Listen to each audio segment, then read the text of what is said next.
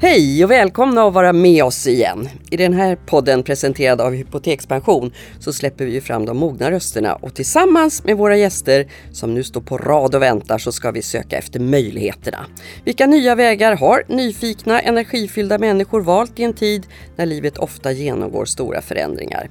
Vi ska strax ringa in till exempel supersenioren. Och så ett livsviktigt ämne.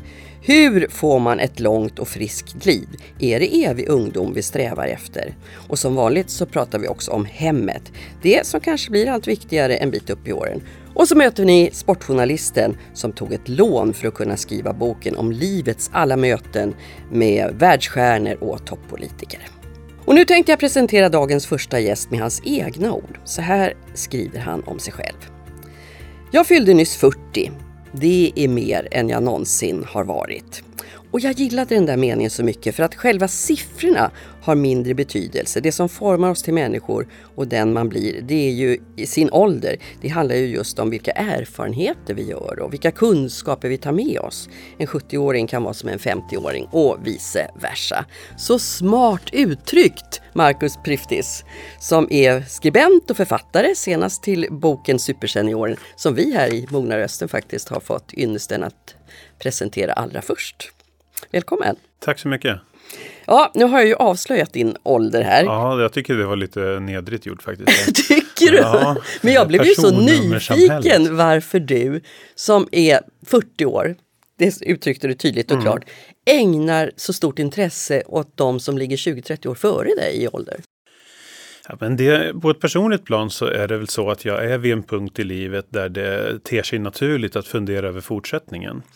Och eh, vilka funderingar som är möjliga att göra om fortsättningen beror ju väldigt mycket på hur gammal kan man förvänta sig att bli? Hur frisk kan man förvänta sig att bli under den tiden?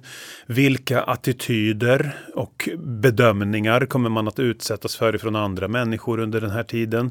Och, så, så allt det här skapar någon slags intresse hos mig.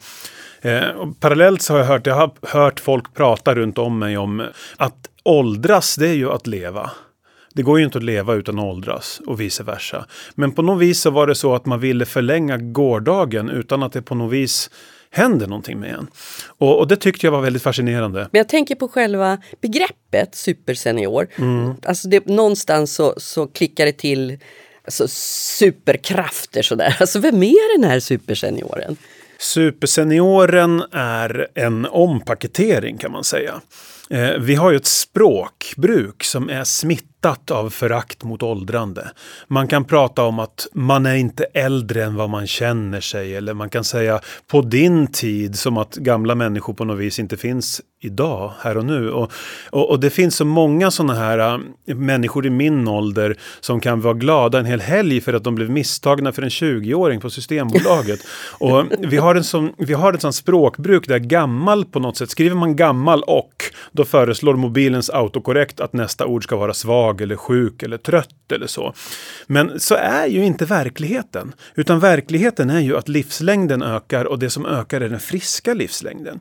Så att man kan säga att det här supersenioren är ett sätt att markera ett brott mot idén om åldrande lika med förfall. Och en supersenior är helt enkelt en frisk gamling med livslust. Det är det som kommer efter senioren. Alltså när du säger förfall, då tänker jag direkt på den här ålderstrappan som satt i varenda farmors och mormors hem tror jag, eller på utedass för all del. Alltså man går upp för upp för upp för till 50 år, och sen gick det bara Man blir nerför. krummare och krummare. ja, krummare och krummare. Ja, och mot ättestupan. Ja, det var ju en grav men, där i botten, var det inte det? Ja, men man tänker eh. att alltså, idag måste ju den där, och du är inne på det lite i din bok också, att byggas om på något sätt. För idag kan ju både 18-åringen, 54-åringen bli pappa, 54-åringen kanske blir morfar och pappa samtidigt.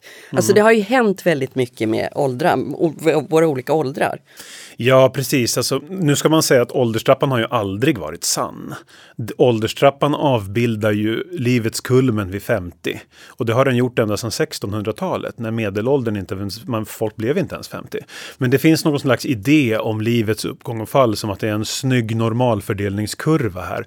Och Eh, det här är inte sant. Om det någonsin har varit sant så är det definitivt inte sant längre. Vi har 70-åriga dataspelsentusiaster, 20-åriga riksdagsledamöter, 25-åriga partiledare, 75-åriga diskokungar, 45-åriga nyblivna mammor, 45-åriga nyblivna mormödrar. Alltså det är en individualisering. Eh, och samtidigt som forskningen har visat att medelåldern det är en ganska olycklig period. Människor är mycket lyckligare vid 20 och vid 80 än vad de är vid 45, mm. om de får vara friska. Jag tror jättemånga av våra lyssnare blir glada nu om den här ålderstrappan planar ut lite grann. Att ja, den planar inte ut, den är vänd. Den den är om man vänd. tittar på kurvan över lycka över åldrarna så ser det mer ut som en skateboardramp om lyssnarna tar den referensen. Men att den är, den är, man är lyckligare när man är ung och när man är gammal, men inte i mitten. Ja, men blir vi så där. glada när vi ser den där skateboardrampen då för att vi fortfarande ändå på något sätt eftersträvar evig ungdom? Nej, men det är ungdom och lycka är inte alls samma sak. Jag tror att tvärtom att man, eh, att ungdomen är ju en väldigt jobbig period på många sätt också. Eh, och nu vet inte jag, människor ser säkert saker på olika sätt. Det handlar ju såklart om individualitet, vad man, vad man tycker att man har värdesatt hos sig själv. Om man har värdesatt att man är väldigt stark så kanske man tycker att det är tråkigt att man blir lite mindre stark. Men om man värdesätter att man blir klokare med åren, då kanske man har något bra att se fram emot. Om man värdesätter att man en dag kan komma till en position där man kan strunta i vad folk tycker och tänker och gör som man vill, då har man också någonting att se fram emot. Mm. Vad är den, den eh, säkraste vägen till att bli en sån här supersenior? Då? Man kan väl säga att sammanfattningsvis, alla vet redan det här. Lagom mycket mat i lagoma mm. mängder. Vår nästa gäst ska prata ja, just om det där. Och men... sov ordentligt och ha goda vänner. Vänner är faktiskt mycket, mycket mer viktigt än vad man tror. Det står väldigt mycket om kosttillskott och sånt. Mm. Men du, många pratar ju också om att eh, eh jobba längre eller att kanske göra en ny karriär mitt mm. i livet. Mm. Och mitt i livet kan då vara 50-60 sådär alltså. Är det realistiskt tror du? Ja, absolut. Om vi låter det vara realistiskt. Jag tänker att alltså, hjärnforskningen har ju visat att hjärnan fortsätter ju att utvecklas hela livet. Men den får en liten annan struktur. Den gamla hjärnan är bra på andra saker än vad den unga hjärnan är. Så att det är nog till och med bra med ett karriärbyte vid sådär 60-70 skulle jag tro. Men då krävs ju såklart att arbetsmarknaden kan ackommodera det. Att arbetsgivarna förstår att årsringar kan vara en rikedom, att det inte bara betyder att det är en belastning. För idag har vi en situation där gamla och medelålders i övre medelåldern faktiskt diskrimineras ganska mycket på arbetsmarknaden. Men om om det bara handlar om individens utveckling och samhällets utveckling så tror jag absolut att det kan vara nyttigt för alla med ett karriärbyte vid 60-65. Mm. Vad, vad, är det för någonting vi ska fokusera på då tycker du? Du var inne på vänskap till exempel. Vad mer är viktigt? Jag tror för det första så tror jag att frågan om vad är det goda seniorlivet är egentligen samma fråga som vad är det goda livet. Att leva är att åldras. Ska vi stryka senior då? Ja, jag, men jag tror att vi kan, vi kan liksom, ja egentligen för att ålderstrappan har vi lämnat bakom oss nu. Det finns individuella faser. Jag har en bekant som går igenom, som är gubbe. Han blev farbror vid 20 och är nu gubbe vid 33. Och det skulle inte förvåna mig om han blir tonåring vid 63. Eh, och, så de här faserna är individuella. Mm. Eh, jag har varit på hårdrockskonserter där jag har sett 60-åringar och 20-åringar stå och headbanga tillsammans. Och den här synen kommer bli vanligare. Men när, när tänker du då att du blir supersenior? Eh, när blir jag supersenior? Strax efter 80. Där någonstans så tänker jag bli supersenior. Mm. Tusen tack för att du kom till oss. Tack för att jag fick komma hit. Ja, vägarna till bli en supersenior kan förstås se ut på många sätt och möjligheten att själv påverka är många. Det där kanske känns uppfordrande, men nu ska jag hälsa poddens andra gäst välkommen och hon vet. I årtionden har hon rest runt och föreläst om sina rön och hon har också vunnit kokböckernas Oscar. Vad är livsviktigt om man vill leva sunt och länge? Hej Maj-Lis Helenius! Hej! Läkare och livsstilsprofessor är dina titlar. Du, innan vi pratar om hur man förlänger livet, ett långt friskt liv, så ska jag ställa en fråga till dig som jag ställer till många gäster som kommer hit. Jag undrar nämligen, vilken ålder tycker du att du är i? Ja, oj då. Jag tycker nog att jag är 66 år och ska fylla 67. Jag, känner, jag har nog alltid tyckt att jag Har alltid varit är där jag är. 66? alltid varit 66. Nej men eh, den där frågan var ju svår. Jag känner mig, som det brukar stå i journalen, åldersadekvat. Det var ett bra uttryck. Det ska jag ta till mig. Härligt! Du, du har ju forskat länge på vad som kan ge det där långa, friska livet faktiskt och har många utav svaren. Men tar jag en risk nu när jag pratar med dig om att du kommer att ge oss dåligt samvete?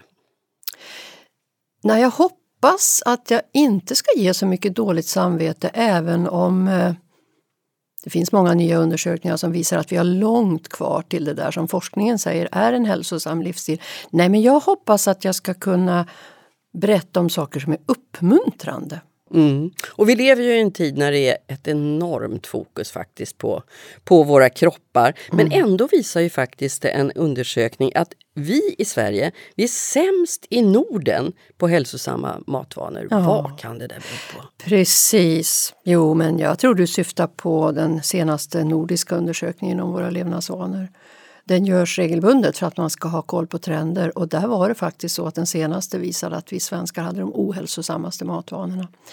Det är en jättebra fråga, inte så lätt att svara på men vi har haft en backlash i vissa avseenden vad gäller våra matvanor. Och det är att vi helt plötsligt började äta vi föll tillbaka, började äta mera animaliskt fett och protein igen, alltså sånt som kommer från kossan. Smör och fet, grädde och ostkonsumtionen bara ökar, ökar. Och köttkonsumtionen, och även om det har vänt lite nu på slutet. Du, din, din, eh, den här belönade kokboken som jag pratade om i början, Kokböckernas Oscar, eh, den kom ju för några år sedan och den heter just Livsviktigt. Vad är mest avgörande för att vi ska må bra och leva länge? Då skulle jag säga att det är två saker och det är att vi måste upp på fötter och sen är det våra matvanor. Och de två delarna hänger ihop väldigt mycket.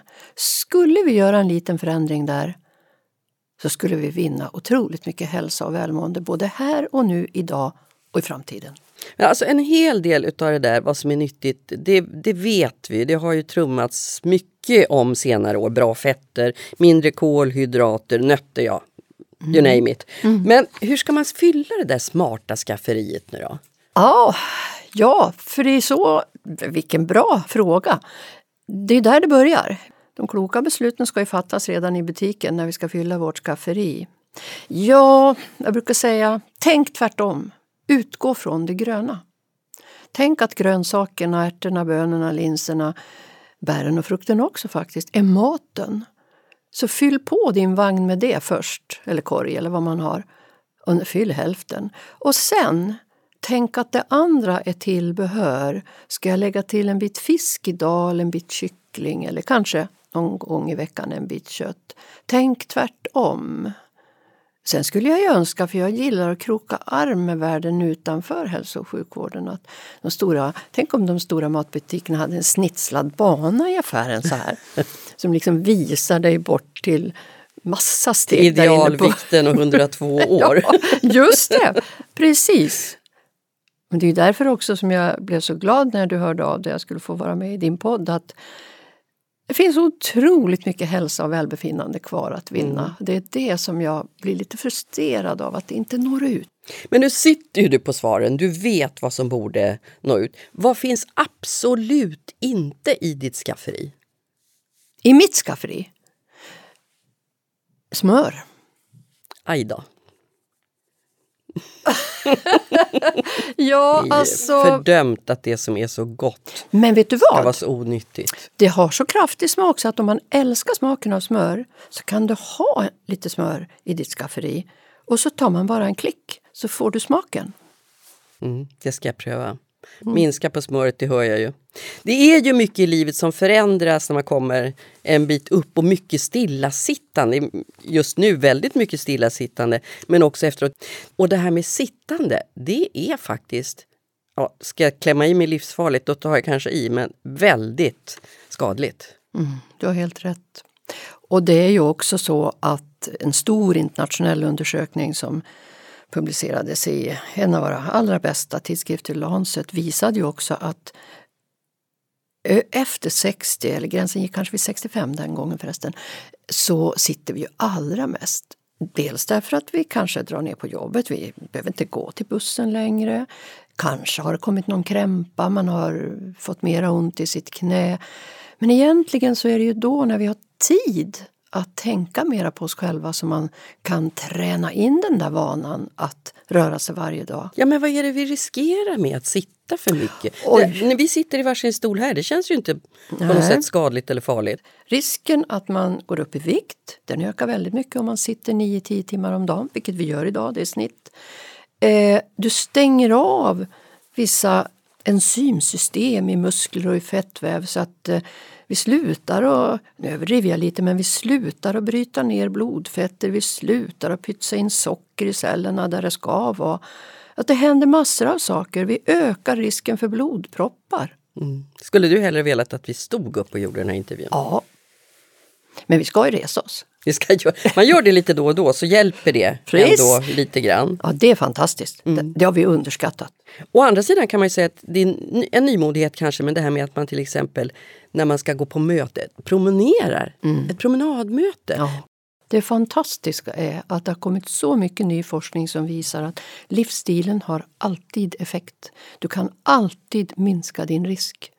Mängder av nya studier. Så mm. det aldrig för sent och aldrig eh, verkningslöst skulle jag säga. Ska vi till slut nu, Maj-Lis Helenius, eh, leva som du lär. Mm. Vi ska strax, alldeles strax till podden prata om stolar. Mm. Och för dig är att sätta sig på en stol verkligen inte samma sak som att placera rumpan på sitsen och luta sig bakåt. Nej. Hur gör du när du ska sätta dig? Sätter mig tio gånger som tanten i Kiruna. Menar du allvar? Ja, alltså den, den är fantastisk. Eh, hon berättar inte för mig utan för en sjuksköterska som berättar för mig. En, en gammal tant, väldigt vital och pigg. Hon hade en egen idé om varför hon hade levde så länge, blev gammal. Jo, då hade tanten sagt att ja, varje gång jag sätter mig så sätter jag mig tio gånger. Och det är ju genialt. Alltså man reser, sätter sig, reser sig, sätter ja, sig. tio squats kan man göra en gång i halvtimmen för då tränar du kroppens största muskler som är lår och rumpa. Kommer att ha stora hälsoeffekter. Så en Kiruna är en livräddare. Ja, gör den där hemma. Tack för att du kom. Gör en Kiruna där hemma.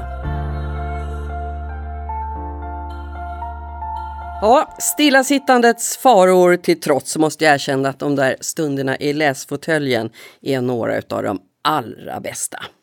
Och nu ska jag fråga nästa gäst, designskribenten Dan Gordon, var du helst sitter när du läser. Och jag eh, sitter numera i en eh, så kallad klassiker, Lamino, oftast.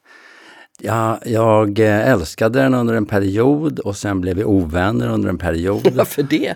ja, men alltså olika stolar passar ju olika människor. Och i en del så blir det som gipsvaggar, man bara sitter fast där. Så att man kan säga att en del stolar så är det skönt att kunna röra sig mycket i. Så att jag var ovän med den ett tag, men nu har jag hittat tillbaka till Amino och eh, sitter väldigt bra där och jag läser och eh, under senare månaden så har jag suttit också och gjort någonting ovanligt, nämligen en ryamatta. Oj! Och då har den funkat väldigt bra. Du knyter en ryamatta själv? Jag knyter själv. Jag tänkte att eh, någon gång måste jag göra det. Man måste göra olika saker. Jag har eh, gått på snickarkurs och byggt en stol. Jag har eh, vävt en matta. Nu har jag knutit en matta också. Bra sätt att allt. Allt man gör med händer är roligt tycker jag. Uh -huh. Och sen kan man ju alltid återkomma till det. Titta, jag har gjort den själv. Det här har jag gjort. Det är en väldig tillfredsställelse. Det är en väldig tillfredsställelse. Andra människor kan bli imponerade kort i två minuter, men man själv, det finns inom en. Mm. Titta, jag gjorde det själv. Det är stort. Välkommen till podden Dan. Tack. Du kom ju för, ja det är mer än två decennier faktiskt, ut med, med boken Svenska stolar som nu har kommit i nytryck. Det är 500 stolar ungefär. Och jag tänker när jag ser den där, hur kan man göra så många varianter? Fyra ben, en sits, möjligen ett ryggstöd. Hur kan det bli så många varianter? Mm, det finns hur många som helst. Och eh, jag vet, jag fick frågan någon gång om hur man gör ett urval och det är ju omöjligt egentligen. Men, och särskilt när man tänker på att det var något år jag tittade på, jag tror att det var 70-talet jag skulle hålla på med. Och då står det så ja i år har det kommit ut 12 000 varianter. Så när jag tänkte urval så var det ju utifrån olika parametrar. Att, att den ska vara upp, stolarna skulle vara uppmärksammade under sin tid, omskrivna i pressen och så vidare. Och sen skulle jag lägga mitt öga, vad jag gillade också på det hela. Mm. Och sen hade jag med lite sånt där som ingen hade skrivit om, men som hade någon plats i hjärtat ändå. En anonym kontorstol som alla känner igen. Eller jag hittade några små skolstolar, såna där som åtminstone vi som är lite äldre har suttit på i skolan någon gång. Och de, de fick en plats också. Nu tog du ju två exempel där, där många har tillbringat kanske hälften av sitt liv på en skolstol, ett kontorsliv. Tillsammans blir det en stor del utav livet. Men när du sa, alltså du, du tittar ju då på hundra år bakåt, det är olika trender, det kan man se ganska tydligt. Vad, vad är 2020 års stol? Vad är det för stoltrender som råder nu? Ja, till den senaste upplagan så fyllde jag på med ett par år, de senaste åren. Och sen när jag hade gjort det urvalet, då, då tänkte jag, vad, finns det en gemensam nämnare här för de senaste åren? Alltså inte 2020, men de senaste åren. Och då såg jag att åtminstone i mitt urval så var det väldigt mycket trä. Och det var ganska mycket influenser från, eh, jag ska säga danskt 50-tal. Kvalitet, välgjort, men ombonat på något eh, lite äldre sätt. Som samtida svenska unga formgivare hade bidragit med. Mm. Alltså det måste, en stol måste vara praktisk, men kan ju också vara nästan lite så här husets eller rummets smycke på något sätt. Jag har själv en sån där favorit också, det är också en läsfåtölj, också i fårskinn faktiskt, som jag sparade till i evigheter. Den är 25 år gammal hemma hos mig nu tror jag. Och jag älskar den, jag blir glad för den varenda gång jag tittar på den. Men skulle du säga att stolen är hemmets viktigaste möbel? Nej, den klarar man sig utan. Jag tror att det är bättre att man har en säng, till exempel. Men det är väl den enda möbeln som tar hand om människan. Om man säger att de andra möblerna som bord och eh, eh byråer och så vidare, det är någonting vi lägger grejer på eller eh, i. Men, men stolen är liksom tillverkad för vår kropp. Bara. Så att den, den, man kan säga att stolen handlar lite om människan. Och på det viset så blir den intressant också. Det är så roligt när man tittar i, i din bok för då är det ju så mycket igenkänning. Att de där, den där fanns hemma hos mormor eller den där satt jag på igår på en middag hos någon. Och så tänker jag pinnstolen som ju ändå är, ja en pinnstol finns, det finns nog i vartenda hem någon sorts pinnstol. Men så är det så här långlivade kärlekar som Lilla Åland till exempel. Och då undrar jag, vad är det som gör den, att en pinnstol skiljer ut sig från alla andra? Varför har just den blivit så himla populär? Jag tror att den var ju en av de första som eh, blev en moderniserad variant av pinnstolen. Alltså pinnstolen har ju funnits sedan 1800-talet och den gjorde sin tur returresa till USA och, och kom tillbaka i mitten på 1800-talet till Sverige, Småland. Men då såg den ganska traditionell och svarvad ut. Lite gammelmodiga former om man säger. Men eh, Malmsten lyckades få till det där kring 1940 på lite, lite ja, modernt men vad styck. är det där alltså? För en pinnstol är väl en pinnstol? Absolut, men eh, vad är det där? Alltså, sen tror jag att en, en, en sån modell som den du nämner, den lever ju vidare också just för att vi har sett den så mycket och lärt känna, tycka om den. Mm. Det finns ju andra som ser väldigt snarlika ut, den blev väldigt kopierad också och sådär. Men sen så får man ju ett, en, en, eh, ett starkt förhållande till det man har sett från början som är så att säga originalet. Så det spelar ju också roll. Mogna röster vänder sig ju framför allt till 60 plus. Skulle du säga att, att, att man förändrar också inredningen där hemma? Eh, när man blir lite äldre? Behovet av hemtrevnad, det är ju evigt. Och det vet vi ända sedan Ellen Keys tid. Att, att om vi omger oss med vackra saker och ett vackert hem så mår vi antagligen lite bättre. Och det tycker jag är viktigt och, och det kan man ju hålla på med. Däremot så tror jag inte att man, om man är 60 plus, att man gör om hela hemmet. Det, det är i alla fall inte på kartan för mig personligen. Däremot så njuter jag av att ha det fint omkring mig. Och jag går och småfixar lite eller jag gör min, knyter min matta eller gör olika fåniga saker. Eh, det har betydelse Den där för mig. mattan var inte så fånig, jag, fick, jag blev nästan inspirerad. Ah. Minns min mamma satt och Ja, vi, hörs, den. vi hörs om det här om några månader igen. Det kan vi göra. Ja. Men jag tänker just i år så fick ju väldigt många överraskande mycket tid där hemma. Som vi kanske inte, och sitter hemma och jobbar många och sådär. Eh, får hemmet en annan betydelse tror du? När man, när man tillbringar mer tid där? Ja, det utgår jag ifrån. Om man är mycket hemma så ser man ju skavankerna eller man kan få lust till någonting nytt. Eh, Ja, skavanker är väl rätt trevligt? skavanker är trevligt. Jag, jag, jag är inte sån där som gör om allting. Vi hade en sån här, häromåret så eh, gick jag och var missnöjd med en tapet som vi hade i matrummet. Och det är ett matrumbibliotek. Och eh, ingen annan hemma, min fru, hon tyckte där, låt den där gamla vara nu. Så där. Och jag, men jag retade på mig så till slut så fick jag, gjorde jag om. Plockade ner alla bokhyllor, tapetserade om, satte upp alla bokhyllor igen och sen så kom folk och ingen såg skillnaden. Absolut Nej, men om ingen. du ställde bokhyllor framför, det var inte så konstigt. Ja, men, eh, men då visste jag ändå att ja, den är ny. Och jag var nöjd. Var För nöjd. jag såg skillnaden. Och det var det enda som jag brydde mig om. Sen kunde jag släppa av.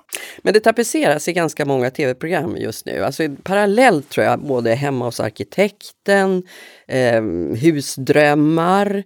Det är en väldig trend på att titta in hur folk har det. Vad beror det på tror du? Jag tror det kallas nyfikenhet. Det tror jag är en sån där eh, mänsklig egenskap som man aldrig kommer runt. Det är väl jätteroligt. Eh, och sen så är det ju, eh, jag har ju sett åtminstone några av de här arkitekthemmen och det är ju väldigt så här, inspirerande. Sen så är det ju så att, det, det minns jag från tiden på, på Stjärna Hem, att det finns olika sorters ingångar till vad, hur inredningen ska vara. Uh, vi hade liksom två läsarsorter som vi liksom måste hantera och det, det är väl de som säger ni måste göra saker som vi kan uh, så att jag förstår hur jag ska göra själv hemma. Det ska vara konkret. Och sen var det en andra grupp som sa håll inte på med sånt där, tala om exakt hur det ska vara. Uh, inredning, jag vill drömma. Så det är två olika läger lite grann. Mm. Fast ska det ändå inte vara, jag tänker både om du tänker tv-programmen eller ett vackert inredningsmagasin, ska det ändå inte finnas något stråk utav det här är möjligt att uppnå? Nu säger vi att jag är generös och så får du eh, 25 eh, påhittade tusenlappar utav mig. Vad köper du då för möbel? Jag behöver ju ett nytt matbord. Det slår jag till på. Och jag vet precis vad jag vill ha för något. Det räcker inte, du får skjuta till tio till. Bara för att du kom, så gör jag det. Okej. Men hur ser det ut? Det är ovalt och man kan stoppa in skivor och det kan växa så att eh, vänner, barnbarn och alla får plats. Och det är ett, eh, ett Wegenerbord som är jättevackert. Det vill jag ha, vitkalkat och fint. Och då får du leta på auktionssajter eller? Nej, jag köper en nytt nu när jag fick pengar av dig. Ja. det, du, det du nämner nu är ju också den här drömmen om hemmet som en samlingsplats. Absolut. Där man ska vara, hela den här stora familjen och det ska inte bråkas vid bordet och det ska vara det trevligt. är med- okej om det tjafsas lite. Okej. Då köper du ett matbord och stolar har du massor med idéer om vilka de ska vara. Tack för att du delade med dig. Okej, tack ska du ha. Tack. tack. Här i Många röster så pratar vi också återkommande om juridiska spörsmål med våra experter. Mycket av sånt där som ni vet man gärna skjuter framför sig. Men det är förstås viktigt att själv reglera hur man vill ha det och vad som ska gälla. Och idag tänkte vi prata om att skriva testamente. Och därför säger jag välkommen och hej till Robert Lindström från Fenix Juridik. Tusen tack. Tack för att du kom. Du, eh, ska alla skriva testamente? Ja, det är ju mer en, eh, vad ska man säga, en principiell fråga än någonting annat. Det är ju, frågan där är ju egentligen, är man nöjd med det sätt som lagstiftaren har bestämt att, laget ska, eller att arvet ska fördelas? Ja, är man det så behöver man egentligen inte skriva något testamente. Men vill man göra på något annat sätt, ja då ska man definitivt göra det. Mm. Eh, en väldigt vanlig sak som man tänker på kanske är ju om de som ska ärva, ska de ärva det som enskild egendom? Det vill säga, ska det hållas utanför en bodelning eller ska de få det och, och bestämma helt fritt själva? Sådana här saker är ju väldigt aktuellt eh, mm. i samband med hur arvet ska fördelas såklart. Måste det vara rättvist? Eh, nej, eh, det är väl eh, ett enkelt svar på frågan är nej. Det behöver inte vara rättvist. Sen kan man inte vara hur orättvis som helst beroende på situationen. Men nej. Mm. Vi har fått en sån här fråga från Anna. Eh, hon har tre barn tillsammans med sin man. Och Anna beskriver att två av de här de har gott ställt medan den tredje har det betydligt tuffare ekonomiskt. Och då undrar Anna, kan hon ge mer till ett barn som har större behov? Mm. Eh, det är egentligen två frågor. Frågan om man kan, jag tänker att det, man besvarar den som om det vore ett testamente hon vill ge igenom. Eh, och då är det ju så att utgångspunkten är att hon kan fördela sitt arv så som hon vill. Eh, sen finns det vissa begränsningar eh, när man då har barn eller så kallade bröstarvingar. Och då har ju barnen någonting som kallas för ett laglottsanspråk. Eh, och laglottsanspråket kan man enkelt beskriva som att halva Annas förmögenhet är då utgörs av laglott till hennes barn. Och kan hon då inte testamentera till någon annan. Så att eh, i det här fallet så hade ju Anna tre barn varav det ena vill hon ge mer till. Så frågan om hon kan göra det? Ja, hon kan ge mer. Men hur mycket? Det blir egentligen, så att säga, barnen har ju rätt till en tredjedel vardera. Det är utgångspunkten. Så Anna kan i så fall, i det här fallet, testamentera fyra sjättedelar till sitt ena barn och en sjättedel vardera till de andra två barnen. Mm. Jag ska säga det också att det går att testamentera mer än så. Eh, det som kan hända då är att barnen klandrar testamentet för att få ut sin laglott. Ehm, men hon kan, utan att barnen kan göra någonting, testamentera i vart fall fyra sjättedelar av sitt arv till ett av barnen. Det är ju inte så himla ovanligt att man hör om kaosartade scener när ett testament det öppnas och mycket släktbråk som mm. följer, följer på det. Ska man informera sina arvingar i förväg? Om, om man till exempel vill göra så här att ett av tre syskon ska ha lite mer? Det är en högst personlig fråga. Alltså det man, man ska tänka på är ju att om man informerar i förväg, då, då kanske man underlättar den här nyheten, gör den lite, att den landar lite mjukare när den väl kommer. Eller utsträcker bråket i evigheter. Precis, det är liksom den andra sidan av myntet. Eller så sätter man igång en konflikt redan under tiden man lever. Eh, en stor fördel med att skriva någonting i sitt testamente är att man själv inte behöver vara där och, och, och liksom ta ansvar för det som står där. Utan det som står där, det står där och då får barnen förhålla sig till det. Du, hur om sig och kring sig ska man egentligen vara? Jag kommer ihåg när min mormor dog, och det är ganska länge sedan. Men då minns jag att då satt det små lappar under varenda pryl i hennes hem där det stod det här ska Marianne ha, det här skulle någon annan ha, det här skulle min mamma ha. Och sådär. Mm. Eh, problemet med att göra på det sättet är att varje förordnande, det vill säga varje beskrivning av vem som ska ha vad, måste uppfylla det man kallar för formkraven för testamente. Så att varje enskild lapp då på varje liten möbel måste i så fall vara bevittnad och vara formulerad som ett testamente för att det ska vara giltigt. Så där ska man väl tänka på att kanske det finns ingen begränsning i hur detaljerad man, man kan vara. Eh, men många väljer ju av praktiska skäl att hålla det ganska övergripande. Man pratar ofta om andelar med några få undantag. Det kan vara smycken eller någon tavla eller så. Eh, men just formkravet gör att det kan bli lite besvärligt att vara så detaljerad. Men är det till exempel en tavla som betingar ett, eh, ja, kanske är värdefull, då är det bra att det finns en sån här lapp på, eller? För det kan ju...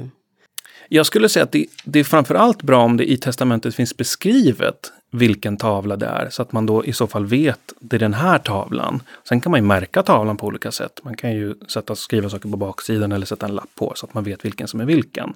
Men man kan inte sätta en lapp på tavlan och sen förvänta sig att det räcker som ett förordnande vem som ska få den. Du, när, när jag frågade det här, inledningsvis här, det här, måste det vara rättvist? Så, mm. så hör jag, du, du resonerar ju på, med dina juridiska kunskaper. Alltså är rättvisa något annat i juridiska termer än det är för mig?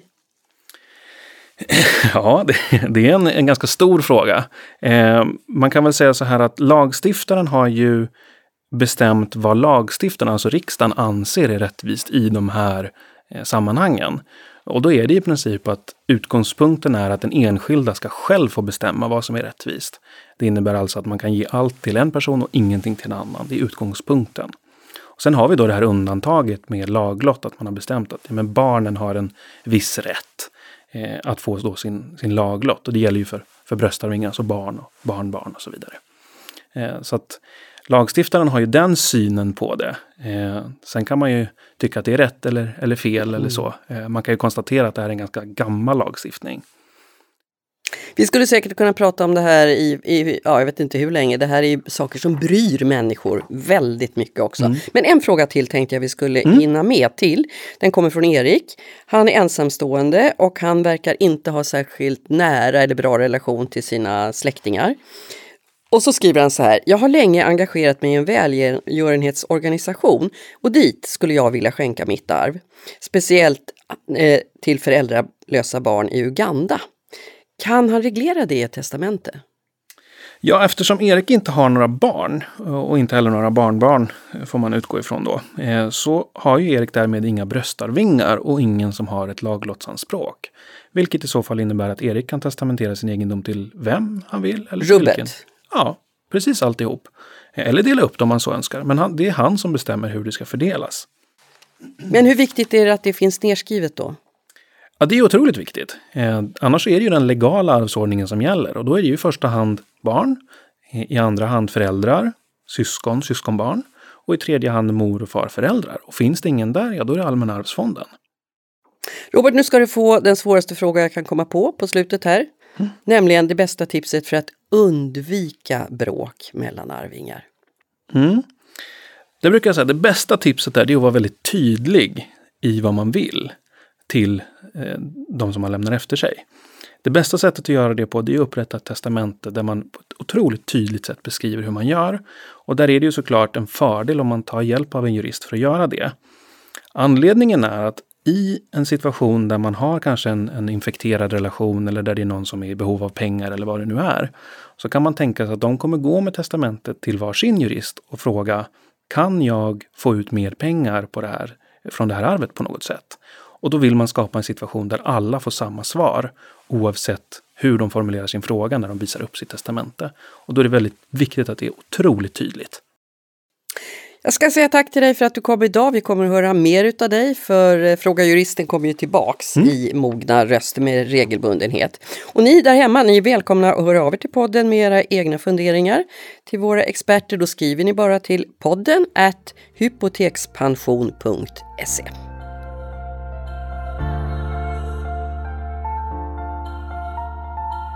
Ja, nu ska vi ägna oss åt drömmar och när de blir verklighet. Alla har vi varit i närheten av tanken, hur ska man nå dit?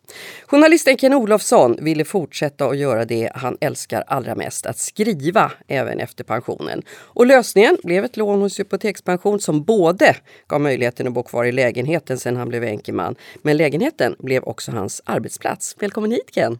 Tack så mycket! Ja, du har ju skrivit i hela ditt vuxna liv faktiskt och träffat alla tänkbara celebriteter. Så du har mycket att berätta nu när du sitter och skriver på en, en ny bok. Hur mycket betydde ekonomin för att du skulle kunna göra verklighet av den här drömmen att skriva? Ja, väldigt mycket därför att eh, jag blev ju ensam och eh, eh, det påverkade ju också min ekonomi. Eh, samtidigt gick ju eh, min pensionsförsäkring ut tjänstepensionen tog slut och det var en ganska dyr avveckling av min hustru för hon råkade dö i Spanien och alla kostnader som sammanföll med en sämre privatekonomi gjorde ju att eh, jag fick fundera. Har jag råd att bo kvar? Vi hade ju lån kvar på lägenheten och så vidare. Eh, och vill jag leva det liv jag hade levt någorlunda hyfsat bra? Och skulle jag kunna fortsätta som frilansskribent och som författare? Eh, och det var i den vevan som jag fick syn på hypotekspension och deras eh, koncept. Och det var någonting som jag fastnade för och jag tog kontakt med dem. Och jag har inte ångrat någonting av detta. Det har eh, gjort att jag har kunnat leva kvar i min, i min bostad i centrala Stockholm och jag har kunnat fortsätta att eh, skriva och göra böcker och så. Så att för mig var det räddningsplankan. Mm. Du har ju skrivit det hela ditt liv. Också. 60 år. Ja, 60 år, det är inte lite. Och dessutom gav du för några år sedan ut antologin När livet måste gå vidare. Men vad, vad är det du skriver på just nu? Ja, jag har skrivit 13 böcker faktiskt av olika sorter. Eh, nu har jag bestämt mig för att eh, vara hemma och skriva mitt eget liv. Eh, jag har ju rätt mycket eh, saker att skriva om som journalist. Eh, jag har varit i SVT och i Aftonbladet och på andra håll skrivit i många tidskrifter och så. Jag har en hel del att berätta mm. som inte har kunnat berättas. Det är inte alla som har suttit vid Maradonas köksbord eller pratat med Olof Palme. Alltså, vad, vad av de här mötena sticker ut som du vill teckna ner nu? Ja, en som sticker ut för mig är ju Jan Eliasson. Jag träffade honom Eh, på Gotland eh, för två år sedan. Gjorde ett stort reportage. Vi hade ett samtal på 6-8 timmar. Det var 36 grader varmt, vi flämtade där. Men det blev ett fantastiskt samtal eh, med, med hustrun då, Kerstin, och, som spelade på piano, flygel. Det gjorde hon även i Washington när han var ambassadör där. Och ja, han är ju den närmaste Eh, vi kan komma Dag Hammarskjöld. Han var ju eh, vice generalsekreterare i, i eh, FN och han eh, var ju ambassadör där och han har varit svensk utrikesminister. En fantastisk personlighet. Han är ju också en förebild för väldigt många av människor som vill fortsätta jobba längre. Ja, han var ju inte rädd för det eftersom han levde så många år i, i USA och där är man ganska gammal mm. när man kandiderar till de stora posterna. Vad tänker du själv kring det här att, att fortsätta jobba långt över 70 års ålder? Ja, jag har eh, bestämt mig för sedan länge att eh, jag ska stupa som Bosse Holmström som jag jobbade med mycket på ECT. Han sa att jag vill dö med stövlarna på. Och eh, jag har själv sagt att eh, jag vill dö mitt i en intervju, kanske inte just nu. Nej, gör inte det, gör snälla. Men jag kommer nog att jobba in till målsnöret därför att det är mitt enda liv. Jag har fått frågan ibland i mitt liv att vad har du för hobby? Nej, jag har ingen. då mm. tittar folk på mig, har du ingen hobby? Nej, jag seglar inte, jag spelar inte golf. Jag, jag skriver och jag eh, försöker eh, lära mig nya saker eh, via böcker och, och medier och så. Men allting eh, som jag är intresserad av i livet finns ju i mitt yrke. Träffa människor, läsa, har fått resa. Nu reser jag inte så mycket längre. Så att eh, jag får väl hitta nya eh, vägar. Men det här att använda sommaren där jag inte kan resa någonstans eller träffa barnbarn eller någonting. Så ska jag skriva mitt eget mm. liv och det hoppas jag blir spännande. Jag vet inte för hur många, men i varje fall för mig själv. Och för de allra flesta Ken, så är ju du kanske känd som sportjournalisten och du har mm. träffat alla stora stjärnor. Är det något möte där som sitter allra längst fram i pannloben? Ja, jag kom på häromdagen när jag visste att jag skulle komma hit att eh, jag minns mitt möte med Pelé, en av världens mest framstående fotbollsspelare och känd för alla. Pelé, VM 58 i Sverige när han var 17 år och avgjorde VM-finalen. Eh, en fantastisk man på många plan och eh, jag mötte honom, fick en egen intervju på 10 minuter i Göteborg 1992 när det var EM i Sverige och eh, jag trodde aldrig jag skulle få möta honom ensam och så men jag fick det eh, när jag kunde räkna upp Brasiliens lag, vilket jag kunde från start till mål. Och eh, eh, han var på ett lysande humör och jag sa att jag var god vän med Kalle Svensson, den Sveriges målvakt som han gjorde två mål på i finalen så sken han upp och han var på ett enormt eh, soligt humör. Och så frågade jag honom på slutet, om jag tar det på svenska, att eh, eh vill det, eh, kommer det att finnas någon ny Pelé i framtiden? Nej, sa han, det kommer inte att finnas någon ny Pelé. Eh, för att min pappa, han har stängt av maskinen. Ja. Och eh, sen kom ju Maradona eh, efter honom och så. Men en, en underbar eh, människa, att få träffa honom så nära och så. Det är ju en av många, jag har minnen av Ingmar Stenmark. Men tror du att det kommer att finnas någon ny Pelé då? Nej, det, det är svårt att eh, se en ny. Maradona var ju stor också. Får man eh, de hade lite olika egenskaper, både som människa och som spelare. Eh, men eh, nej, för mig är Pelé nummer ett. Mm. Och alldeles intill där vi spelar in den här podden tränar ju nu Zlatan. Ja, man kan ju inte fronta honom hans storhet. Va? Eh, jag kanske inte är sådär väldigt förtjust i Zlatan som personlighet. Det är jag inte. Men jag måste ju beundra honom som fotbollsspelare. Mm. Eh, även om jag tycker att han eh, har, han har inte nått de höjderna som de två vi talar om. Det har han inte gjort. Men i svensk perspektiv, självklart, man kan inte ta ifrån honom hans storhet som spelare. Du har mycket att berätta, Ken Olofsson, och nu skriver du boken om ditt eget liv. Då. Hur är det att gå igenom sitt liv på det sättet? Fascinerande. För att jag har fått träffa så många människor och varit i så många miljöer. Och jag har ju eh, upplevelser och möten eh, som jag eh, delvis ibland inte har kunnat skriva om eller skildra i tv av olika skäl. Man måste ta hänsyn när man är i, i, i exekutiv verksamhet och så. så att jag har mycket sparat och jag försöker resa i, i minnenas skattkammare.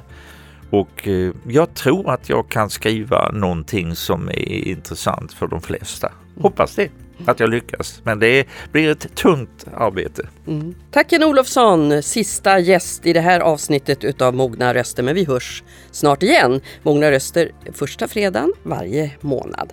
Det produceras utav High Creatives och eh, Jesper Tillberg har varit redaktör, produktionsledare Sara Pansar. Jag heter Marianne Rundström och när vi hörs nästa gång då gästas podden av bland andra skådespelerskan Sissela Kyle.